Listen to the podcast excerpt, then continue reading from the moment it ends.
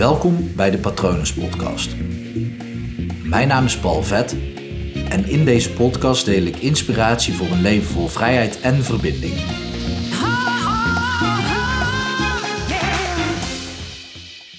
Met welk gevoel denk jij aan jouw probleem? Natuurlijk is het vaak zo dat, dat er een moment is dat je al slecht voelt en dan denk je aan je probleem. Dan komen de zorgen omhoog.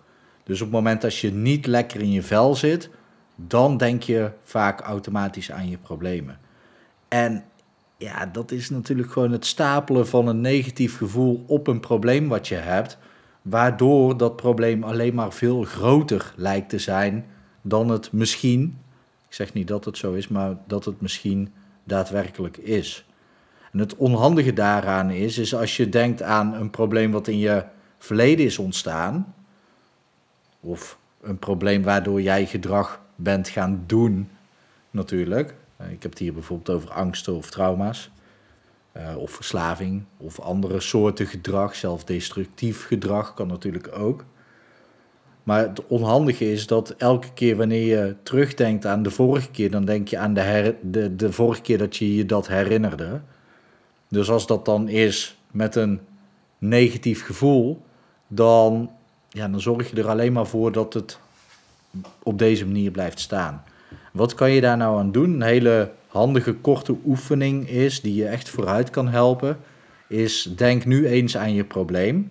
Denk eens aan dat probleem wat je hebt.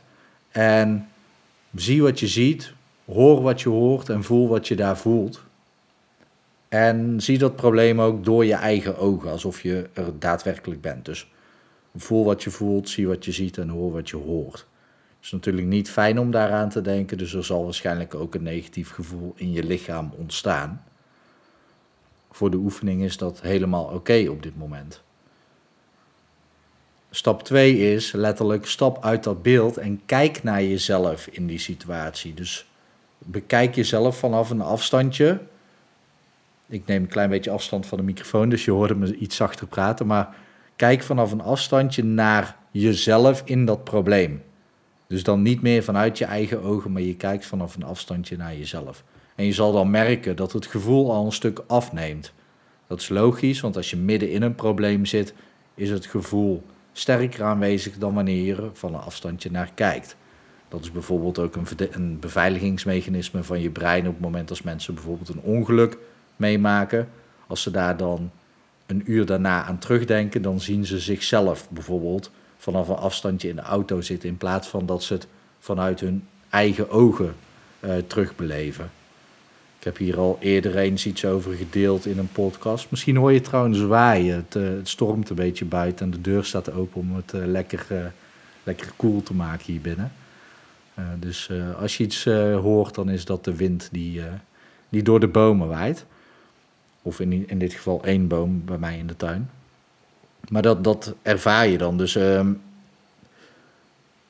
ik, eh, ik, heb, ik weet dat voorbeeld niet meer. Ik weet ook niet welke aflevering dat is. Maar dan ben je echt gewoon gedissocieerd, heet dat vanuit je, je lijf. Cognitieve dissonantie heet dat dan. Ehm, maar dat kan je dus ook voor je laten werken. Dus je, had, uh, je zat net in het probleem. Toen ben je eruit gestapt en nu kijk je vanaf een afstandje naar die situatie. Wat dan heel fijn is om even te doen, is eventjes in het rond te springen. Ja, zit je in de auto, gaat dat moeilijk, maar even je brein af te leiden. Eventjes om je heen te kijken. Dan zit je in de auto, uh, kijk eens hoeveel letters uh, zet je op de kentekenplaten om je heen kan vinden. Als je buiten loopt, kun je dan dat natuurlijk ook doen. Ben je buiten in de natuur aan het wandelen, hoeveel blaadjes hangen er aan de boom? Nou ja, Misschien denk je nu wel, waar heeft die gast het over? Nou, dat is ook helemaal goed. Dan ben je even gewoon helemaal weer neutraal. En denk nu eens aan welk gevoel je nodig gehad zou hebben tijdens dat probleem. Dus tijdens die situatie. Is dat bijvoorbeeld zelfverzekerdheid geweest of zelfvertrouwen, kracht, uh, hoop?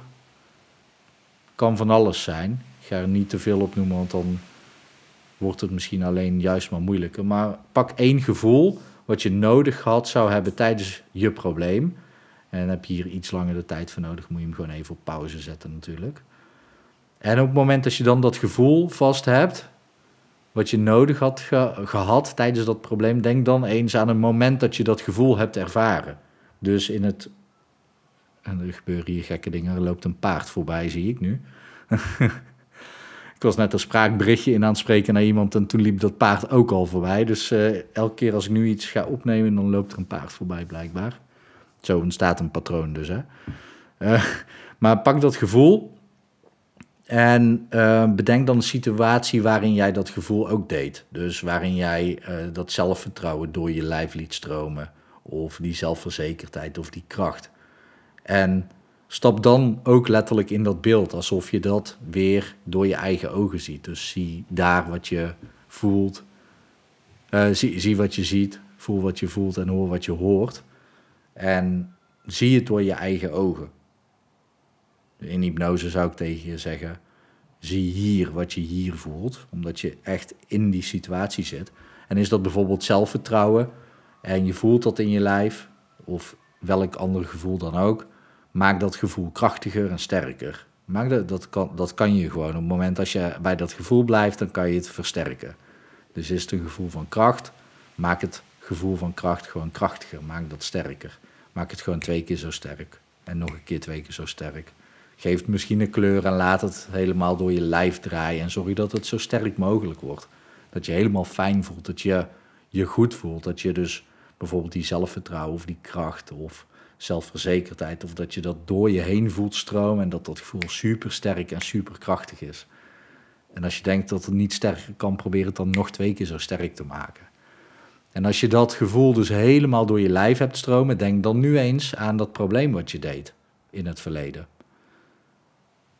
Nu zijn we al een aantal stappen verder, maar nu denk je dus met een gevoel van zelfvertrouwen of kracht of een ander sterk gevoel aan dat probleem. En je zal merken dat dat veel minder heftig is om dan aan je probleem te denken. Dan valt het allemaal wel mee. En dat is fijn, want dan kan je ook een nieuw beeld daarbij maken. En ja, dat nieuwe beeld is dan alweer minder heftig dan het beeld wat je aan het begin van de podcastaflevering had.